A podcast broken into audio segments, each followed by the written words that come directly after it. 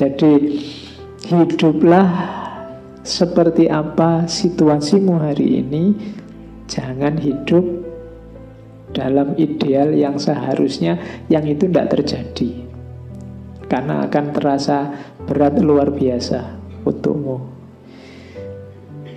Kemudian kalau ini semangat dari Einstein, salah tidak apa-apa, gagal tidak apa-apa. Siapa pun yang tidak pernah melakukan kesalahan Tidak pernah mencoba sesuatu yang baru Ini koyok iklan di TV itu kan Kalau tidak kotor ya tidak belajar Nah Jadi beranilah untuk mencoba kalau kamu nyaman dengan duniamu hari ini, tidak berani macam-macam, ya sampai sebatas itu hidupmu. Levelmu dan rankingmu. Kalau ingin naik kelas, berani mencoba. Kasih tantangan untuk hidupmu sendiri. Tantang bisa ndak kayak gini? Ayo dicoba. Tantang dirimu cobalah. Kalau gagal, berarti alamat akan terjadi sesuatu yang baru nantinya. Gagal diulang lagi, gagal diulang lagi. Jadi pelajaran dari Einstein tentang manusia ditutup dengan ayo berani mencoba, salah ndak apa-apa karena tidak akan lahir sesuatu yang baru kalau kita tidak berani mencoba. Kalau Einstein itu pasrah saja dengan situasi dirinya, yang dia sejak kecil punya beberapa kekurangan, tidak akan lahir seorang Einstein. Oke, nah sekarang kita lihat bekal apa untuk jadi seorang seperti Einstein, manusia yang mirip Einstein. Menurut Einstein sendiri, yang pertama-tama kita harus punya rasa ingin tahu, rasa penasaran. Penasaran itu penting. Katanya Einstein, yang penting adalah jangan berhenti bertanya. Rasa ingin tahu punya alasannya sendiri untuk selalu ada. Pertanyakan apa pun. Aku tidak punya bakat khusus. Aku hanya bisa ingin tahu. Jadi kata Einstein, keahlianmu apa, bakatmu apa? Kata Einstein, enggak, saya tidak punya bakat apa-apa. Wong malah kekuranganku banyak. Bakatku cuma satu, keingintahuanku dalam luas. Jadi mentalnya ilmuwan itu sebenarnya bekalnya kan rasa ingin tahu ini. Rasa ingin tahu itu apa-apa kamu herani, kamu tanyakan. Kamu lihat tadi kok hujan cuma sebentar ya? Apa sekarang sudah musimnya penghujan ya? Ini telat apa memang sudah waktunya. Itu kan pertanyaan-pertanyaan banyak. Ngaji ini kok mau katanya jam 8, jam 8 lebih 10 belum mulai-mulai ya ada apa atau ini? Yang salah siapa? Mau itu tanya, jangan diem aja. Jadi curiosity itu rasa ingin tahu. Di sekelilingmu ini tidak ada yang normal-normal saja. Semuanya bisa ditanyakan. Masjid itu loh kok warnanya hijau ya. Di mana-mana sering saya lihat juga pakai warna hijau. Apa hijau itu simbolnya Islam? Siapa sih yang bilang hijau itu simbolnya Islam? Terus sejarah tentang warna hijau sebagai warna masjid itu kayak gimana? Kamu pernah tanya enggak? Bulan bintang kok terus jadi simbolnya Islam? Sejak kapan umat Islam pakai simbol bulan bintang itu dan seterusnya? Itu namanya kerius. Tapi kan kita enggak, kita itu pokoknya jalan kayak biasanya, normal aja kok Pak. Semuanya ya juga normal-normal saja. Nah, model baju kalau kayak gini kan model gaya barat. Kalau jubah kayak timur tengah. Kalau ya macam-macam. Itu kira-kira ada hubungannya dengan iklim, dengan geografi, dengan adat, tradisi, dengan kesepakatan masyarakat. Tapi jawabannya bisa macam-macam. Ingin tahulah. Begitu kamu masuk dari luar ke masjid ini, setiap hal yang kamu lihat itu bisa ditanyakan. Kenapa kok kamu tidak tanya? Karena segalanya kamu anggap biasa saja. Berarti kamu tidak bakat jadi ilmuwan. Orang mau nulis skripsi, tesis, disertasi itu biasanya gelisahnya pertama apa? Nyari masalah. Saya mau nggak nemu-nemu masalah ya Pak. Lo masalah jutaan di sekelilingmu lo kok bingung nyari masalah. Oke. Yo kalau tidak ada masalah, bikin masalah. Baru nanti kita teliti. Ilmuwan kan begitu, bikin masalah itu kan namanya bikin hipotesis. Kira-kira jangan-jangan ini, jangan-jangan itu, itu bisa masalah. Katanya Einstein, ia yang tidak lagi bisa heran dan terpesona, sebenarnya kayak orang mati. Matanya tertutup. Oh, itu disindir oleh Einstein.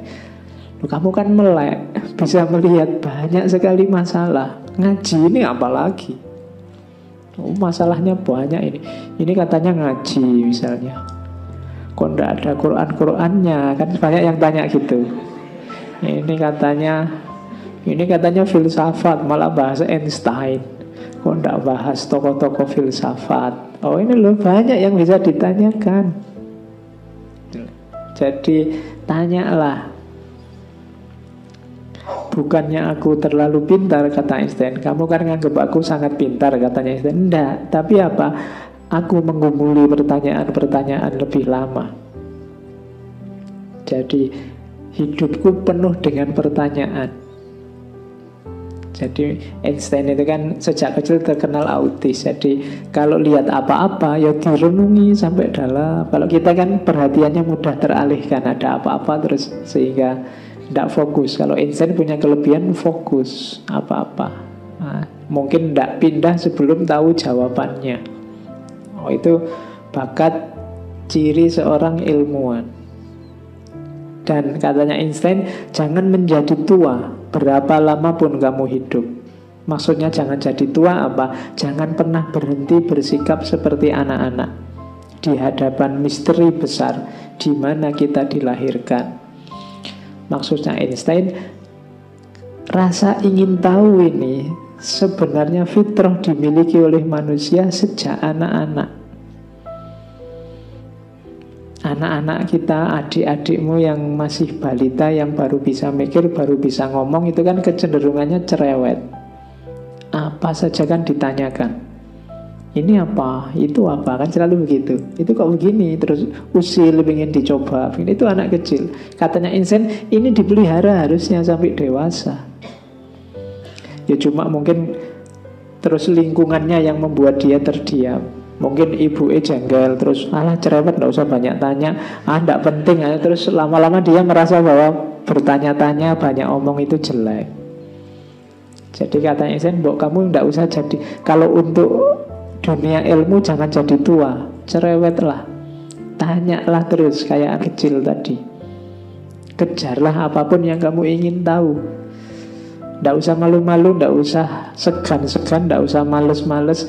Kamu ingin tahu apa, kejar saat itu juga. Anak kecil itu kan tidak pernah nanti aja nyari jawabannya, mesti ngejar saat itu juga. Nah, Apa pun pertanyaan yang muncul dalam dirimu Coba biasakan sekarang kejar jawabannya saat itu juga Tadi saya ngomong misalnya Kenapa ya kok warna hijau ini jadi tren banyak masjid misalnya Selain warna putih. Kamu boleh kan pegang HP kan? Kamu Sekarang lebih gampang lagi mengejar jawaban itu. Ada Google yang maha tahu. Oh itu kamu tinggal nulis. Butuh coba cek hijau dalam tradisi Islam. Ini jangan-jangan ketemu. Ya mungkin adanya bahasa Inggris atau bahasa yang lain. Ya coba kamu gali. Jangan nunggu besok. Kalau nunggu nanti apa besok biasanya kelewatan. Tidak jalan lagi sudah kalau kamu punya keinginan apa yang baik target apa yang baik pertanyaan apa yang penting bermanfaat segera cari, segera lakukan, segera kejar. Kalau tidak, mesti nanti ketumpuk hal lain dan itu terlewat. Nah, biasakan begitu. Meladeni curiosity ini. Jiwa ingin tahu. Jiwa ilmuwannya biar hidup terus. Oke. Nah, nikmati ini. Ilmuwan itu bisa menikmati ini, katanya Einstein. Tahun-tahun penuh tanya saat pencarian dalam kegelapan dengan harapan yang dalam untuk menemukan jawaban. Silih berganti semangat dan kelelahan, lalu akhirnya muncullah cahaya. Hanya mereka yang mengalaminya yang dapat memahaminya. Bayangkan kamu saat kemarin nulis skripsi, apa nulis tesis itu kan tahun-tahun penuh pencarian. Dalam kegelapan penuh harapan dan cepat lulus. Ada semangat, ada kelelahan. Sampai akhirnya jadi fix ketemu jawaban muncul cahaya. Oh itu pengalaman yang luar biasa. Dunia ilmu itu indahnya di sini katanya Einstein dari gelap ketemu cahaya itu kan enak. Kayak kita di rumah listrik mati tiba-tiba listrik nyala. Meskipun matinya sebentar itu kan ada wow-nya sebentar bahagianya. Alhamdulillah sak kampung itu teriak semua Begitu listrik nyala Ibaratnya ini Jadi kalau kamu sedang buntu Tidak punya jawaban Ada masalah Terus kamu kejar jawabannya Kamu cari buku Kamu tanya ke sana kemari Sampai ketemu jawabannya Itu kayak listrik habis mati terus nyala. Indah Menyenangkan. Jadi Kejarlah momen ini dalam hidupmu Untuk mencintai ilmu jadi nikmatnya ilmu itu antara lain ada di sini. Ketika kegelapanmu berubah jadi cahaya. Ketika yang kemarin kamu kejar-kejar dalam kebingungan, sekarang kamu paham dalam kelonggaran. Alhamdulillah, ngerti aku sekarang jawabannya. Ah, itu nikmat. Maka Einstein menyarankan di kalimat yang terakhir itu hanya mereka yang mengalami yang dapat memahami. Maka alamilah kejarlah momen ini.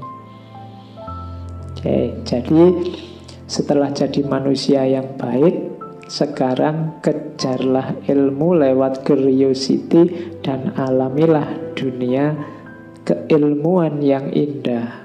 Ini cara untuk hidup yang luar biasa seperti disarankan oleh Einstein. Oke. Terus, nah Alatnya apa? Alatnya untuk masuk ke dunia ilmu tadi yaitu intelijensi. Intelijensi itu perangkat intelektual yang ada dalam diri kita. Isinya diri kita itu intelijensi. Kalau sebagian besar kita merasa malu dengan baju compang-camping dan peralatan yang rusak, tentunya kita lebih malu kalau memiliki gagasan yang compang-camping dan filosofi hidup yang buruk. Kita pakai baju jelek aja kan malu. Padahal baju ini cuma bungkus. Harusnya kita lebih malu lagi kalau isinya baju yang jelek. Karena logikanya isi lebih penting daripada bungkus meskipun bungkus juga penting. Akan menyedihkan kalau bungkusnya lebih baik daripada daging yang dibungkus di dalamnya katanya Einstein. Kalau kita bungkus daging ini kan daging diri kita ini. Ada tulang, ada daging, ada darah.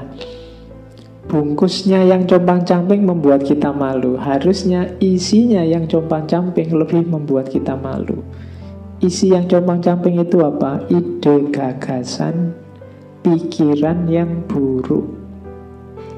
Harusnya lebih membuat kita malu. Kalau kita punya baju jelek, baju compang-camping Cepet-cepet kita jahit ulang atau kita buang, kita beli lagi yang bagus. Berarti kalau kita punya pikiran, punya gagasan yang compang-camping Ya cepet-cepet diganti dengan gagasan yang baik Meskipun demikian, nasihatnya Einstein tetap kita harus hati-hati. Kita harus hati-hati untuk tidak menjadikan intelek kita sebagai Tuhan. Tentu saja ia punya kekuatan, namun tidak punya kepribadian. Ini lanjutannya. Kalau alat intelek kita sudah bagus, sekarang ada lagi yang lebih dalam yang harus lebih bagus. Apa? Kepribadian. Karena sekuat-kuatnya intelek, intelijensi, kalau kepribadiannya rusak, dia akan jadi alat untuk melahirkan kerusakan. Jadi orang yang menomorsatukan intelijensi, intelek, atau menomorsatukan kayak mempertuhankan Orang yang mempertuhankan intelek dia mengundang bahaya. Kenapa? Intelek itu kuat, tapi dia juga bungkus dari kepribadian. Kalau tidak hati-hati, nanti kalau kepribadiannya rusak, ayo intelek tadi kamu pakai untuk merusak pengetahuanmu, ilmumu, akalmu akan jadi sarana untuk melahirkan kerusakan. Kenapa? Ya karena dia memang mungkin disetir oleh kepribadian. Makanya orang jahat kok pinter, itu lebih menyusahkan. Mending jahat yang tidak terlalu pinter lah, yang pakai jaket, pakai jin robek-robek terus di jalan-jalan itu lebih gampang. Tapi kalau jahat kok pinter itu kita akan lebih sulit mengatasinya. Kenapa? Intelijensinya luar biasa tapi kepribadiannya rusak. Maka tadi ya, yang fisik dibungkus oleh yang batin, yang batin dibungkus oleh kepribadian. Kalau baju rusak, kita gelisah, harusnya intelijensi rusak, kita lebih gelisah. Apalagi kepribadian rusak, kita harusnya tambah gelisah. Dan ini jarang disadari oleh manusia.